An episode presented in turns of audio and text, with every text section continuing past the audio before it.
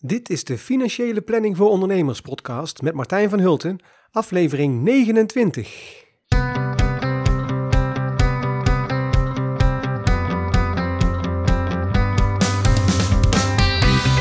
Ben je al jarenlang ondernemer, net gestart of heb je plannen om voor jezelf te beginnen?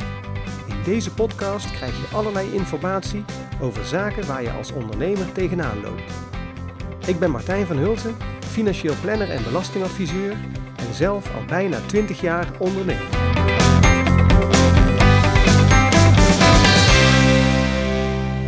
Leuk dat je weer luistert naar deze nieuwe aflevering van de Financiële Planning voor Ondernemers podcast. Ik zit uh, op mijn kamertje in een intelligente lockdown. Ik weet niet of jij nu kort na het opnemen van deze podcast luistert. Ik zit hier nu op donderdag 16 april 2020. Het kan best zijn dat je dit pas in 2022 luistert en dan denk je, ach ja, dat is waar ook. Die, die lockdown met dat coronavirus. Wat een tijd was dat. Maar misschien zit je er nu al meteen middenin en zit je te luisteren terwijl je zelf ook uh, alleen in je kamertje zit thuis te werken of even een pauze neemt om, uh, om naar dit te luisteren. Of je bent buiten aan het wandelen om eventjes uh, frisse neus te halen. Dat kan natuurlijk ook. Of hardlopen of fietsen, net wat je wil. Uh, hoe dan ook.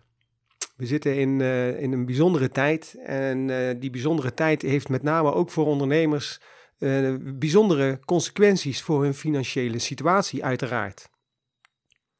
En deze podcast gaat over de financiële planning van uh, ondernemers. En ja, zeker nu is het natuurlijk ontzettend belangrijk hoe je met die uh, financiële planning omgaat. De maatregelen die de overheid neemt zijn met name gericht op de korte termijn cashflow situatie. Om te zorgen dat ondernemers in ieder geval voldoende geldmiddelen houden, beschikbaar hebben, geld beschikbaar hebben om hun inkopen te kunnen blijven doen, om hun personeel te kunnen blijven betalen, om uh, de ondernemer zelf uh, in zijn levensonderhoud te kunnen uh, laten voorzien. Dus daar is, zijn al die maatregelen op gericht. En dat doen ze op een paar manieren. Dat doen ze door enerzijds subsidies te geven, dus bedragen die je gewoon mag houden en die je niet meer terug hoeft te geven. Dat zijn er niet zoveel en dan moet je wel aan kunnen tonen dat je ook daadwerkelijk in een situatie zit dat je dat nodig hebt. De meeste maatregelen zijn er eigenlijk op gericht om bedragen die je nu eigenlijk zou moeten betalen aan de overheid bijvoorbeeld, om die uit te mogen stellen naar een later tijdstip. Of maatregelen waarbij je op een wellicht gemakkelijkere manier wat meer kunt lenen op dit moment om die uh, uitgaven te kunnen blijven doen. Maar ja, die laatste twee, dus de leningen en het uitstel van betaling voor bijvoorbeeld je belastingen of de OZB-aanslag of zo. Eh, dat soort uitstel van betaling leidt natuurlijk wel op een later moment weer tot een betalingsverplichting. En natuurlijk proberen ze dat nu zo aantrekkelijk mogelijk te maken om uh, door bijvoorbeeld een lage rente te berekenen en uh, het heel gemakkelijk te maken om dat uitstel van betaling allemaal aan te vragen. Maar het neemt niet weg dat je natuurlijk ergens toch op een moment gaat komen dat je het weer moet gaan afbetalen. En als je het dan moet gaan afbetalen, dan zal er dus weer inkomen moeten zijn. En de vraag is natuurlijk of je in die periode eh, dan de bedragen die dan op dat moment weer moet betalen, ook weer kunt betalen. Dus het blijft een hele lastige situatie, denk ik, de komende maanden en misschien wel jaren, eh, om uh, uiteindelijk aan al die betalingsverplichtingen te kunnen voldoen. En als je dus over financiële planning hebt, ja, dan is dat in de basis is natuurlijk de cashflow planning altijd heel erg belangrijk. Want ja, mijn definitie van financiële planning is dat je probeert te zorgen dat je altijd voldoende euro's beschikbaar hebt om de uitgaven te kunnen doen die je graag wil doen. En dan gaat het natuurlijk om uitgaven die je nu op dit moment wil doen, maar ook uitgaven die je over een paar jaar wil doen en ook uitgaven die je over een hele tijd wil gaan doen op het moment dat je bijvoorbeeld gestopt bent met werken. En dat zijn allemaal momenten waarop je euro's nodig hebt om naar de winkel te kunnen gaan en uh, brood en beleg te kunnen kopen natuurlijk. Dus cashflow planning is eigenlijk de basis van elke financiële planning. En hoe, hoe korter de termijn is waarop je de planning aan het doen bent, hoe belangrijker dat die cashflow planning is. En zeker in deze bijzondere tijd waarin je dus als ondernemer moet gaan nadenken in hoeverre je gebruik gaat maken van de maatregelen die de overheid nou geeft om bijvoorbeeld uh, geld te gaan lenen of uh, uitstel van betaling aan te vragen. Juist in deze periode is het dan heel belangrijk om te zorgen dat je je cashflow planning in orde hebt. Nou hebben wij vorig jaar een bijzondere situatie eh, gehad binnen ons bedrijf, omdat mijn compagnon Mark van Vught naar Texel verhuisde en dus uh, ons, ons verliet. En daardoor zaten we ineens in een nieuwe situatie waarbij we maar met twee compagnons waren, over waren. En we moesten gaan kijken van hoe gaan we dat allemaal, uh, hoe gaan we dat allemaal redden. En toen hebben we eigenlijk ook besloten om zo'n cashflow planning te maken. Om eens te kijken van hoe gaat dat nou? Hoeveel omzet moeten we nou hebben om aan alle uitgaven, alle verplichtingen die, die er zijn, om uh, daaraan te kunnen voldoen.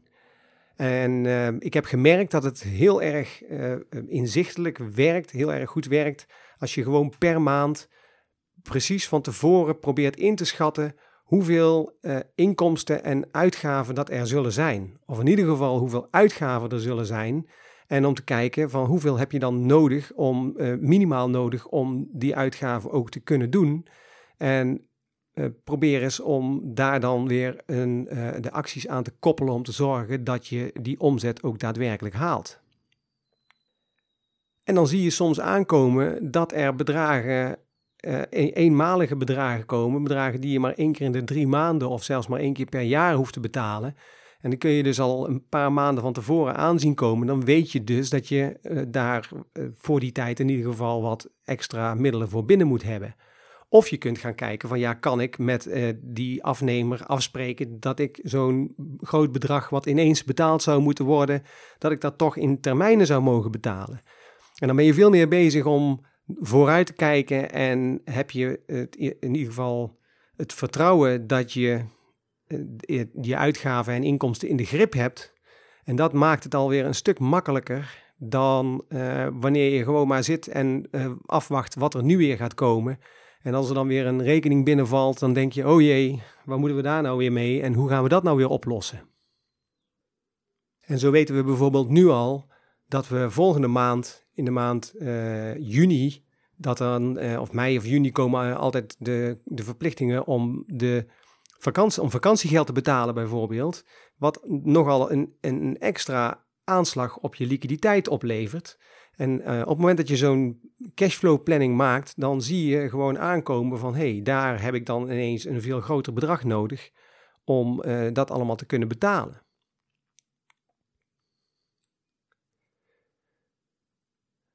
Dus zeker in deze situatie uh, met, uh, met de corona en, en alle economische teruggang die daarmee samenhangt, uh, zou ik je willen adviseren om eens na te denken over zo'n cashflow planning.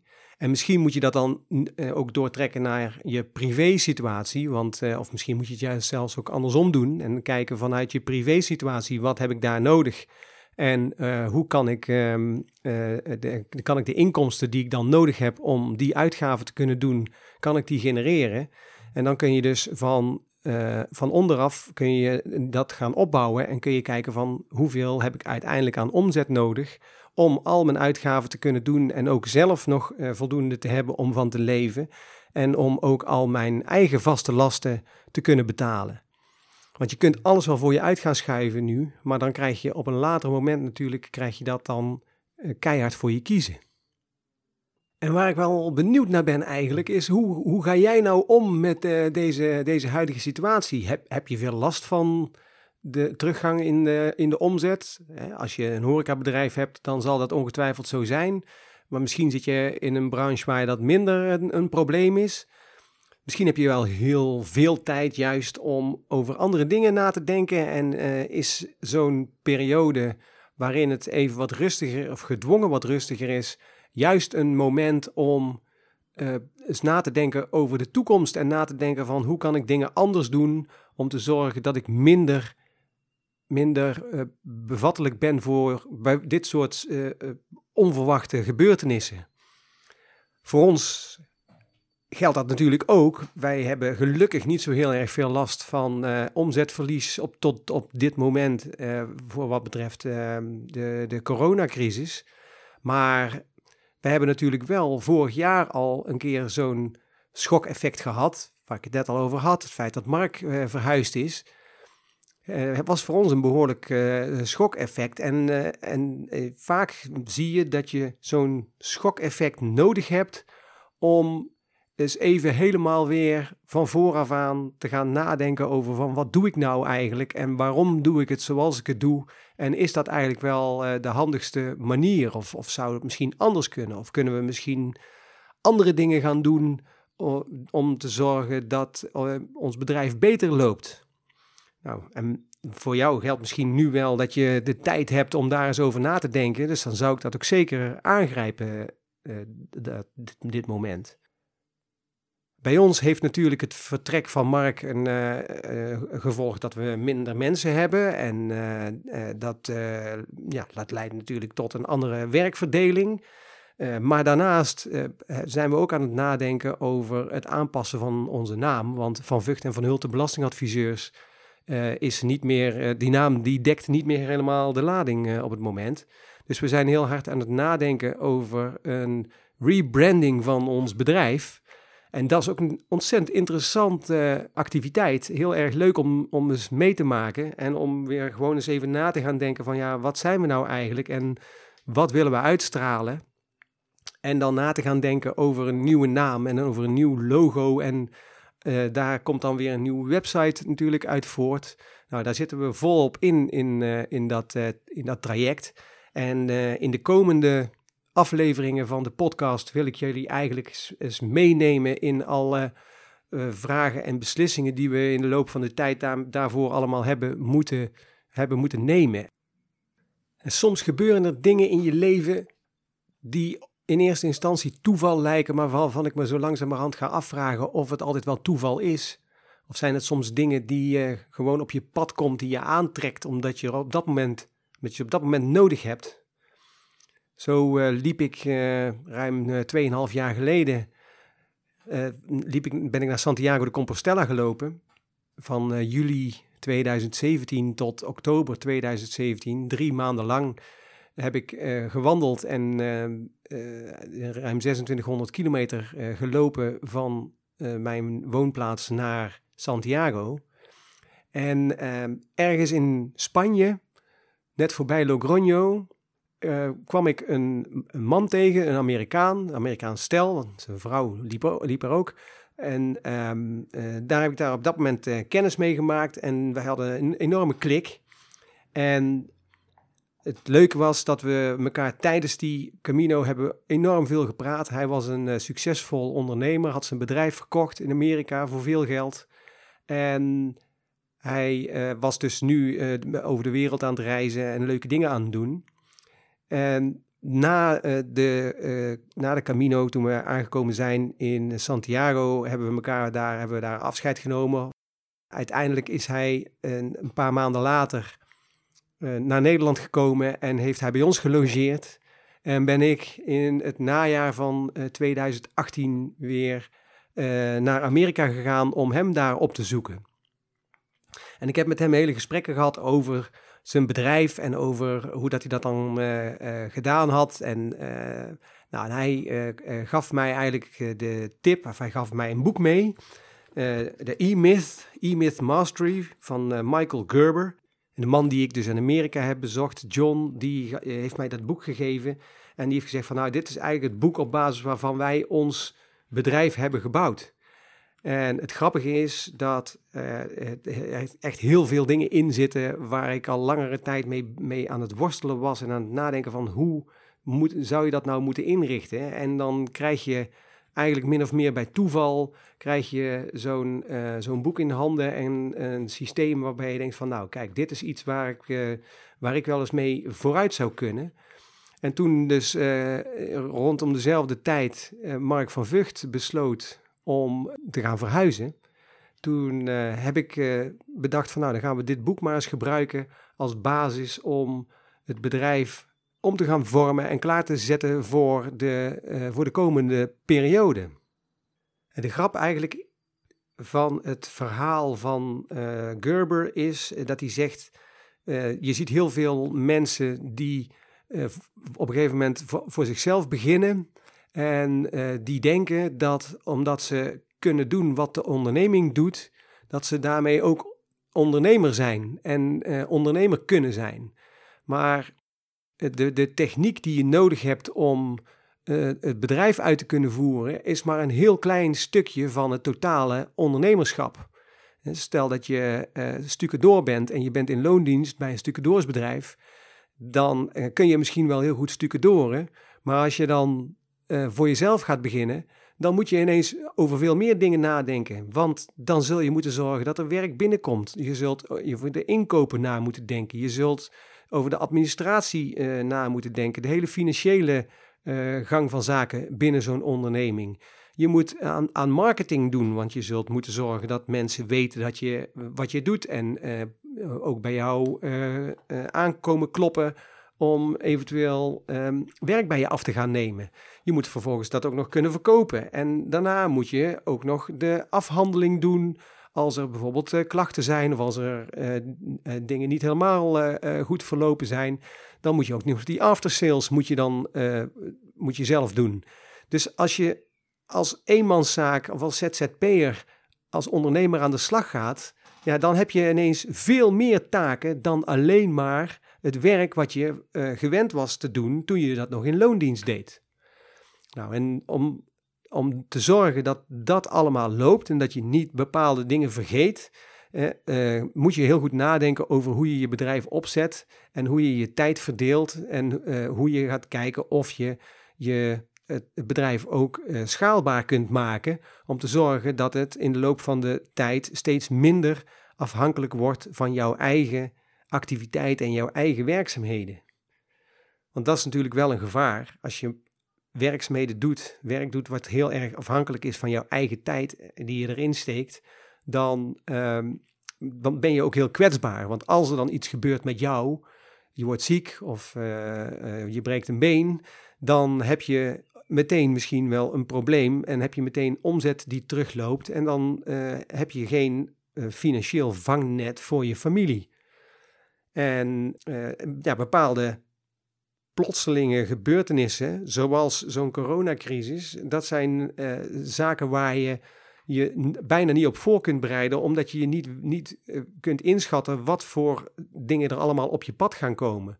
Maar hoe beter je van tevoren hebt nagedacht over je werk en hoe beter je, je, je de zaken georganiseerd hebt, hoe groter de kans is dat je dat soort onverwachte tegenslagen ook weer te boven komt.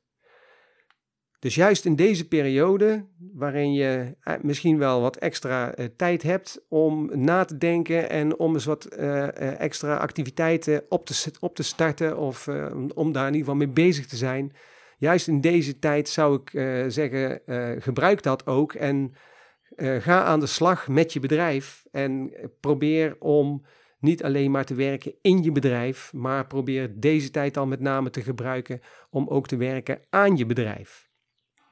Nou, de komende afleveringen van eh, de podcast ga ik, uh, ga ik je laten zien wat wij hebben gedaan en wat wij aan het doen zijn nu en wat we de, in de komende periode gaan doen om ons bedrijf zoveel mogelijk klaar te zetten voor de toekomst en uh, te zorgen dat we zeg maar schokbestendig zijn en een, een winstgevend bedrijf zijn voor de, voor de toekomst. Ik hoop dus dat je de volgende keer ook weer luistert. En um, voor, de, voor nu wens ik je veel succes. Zorg dat je gezond blijft. Of als je dat niet bent, dat je weer gezond wordt. En dan hoop ik dat je de volgende keer weer luistert naar de Financiële Planning voor Ondernemers podcast.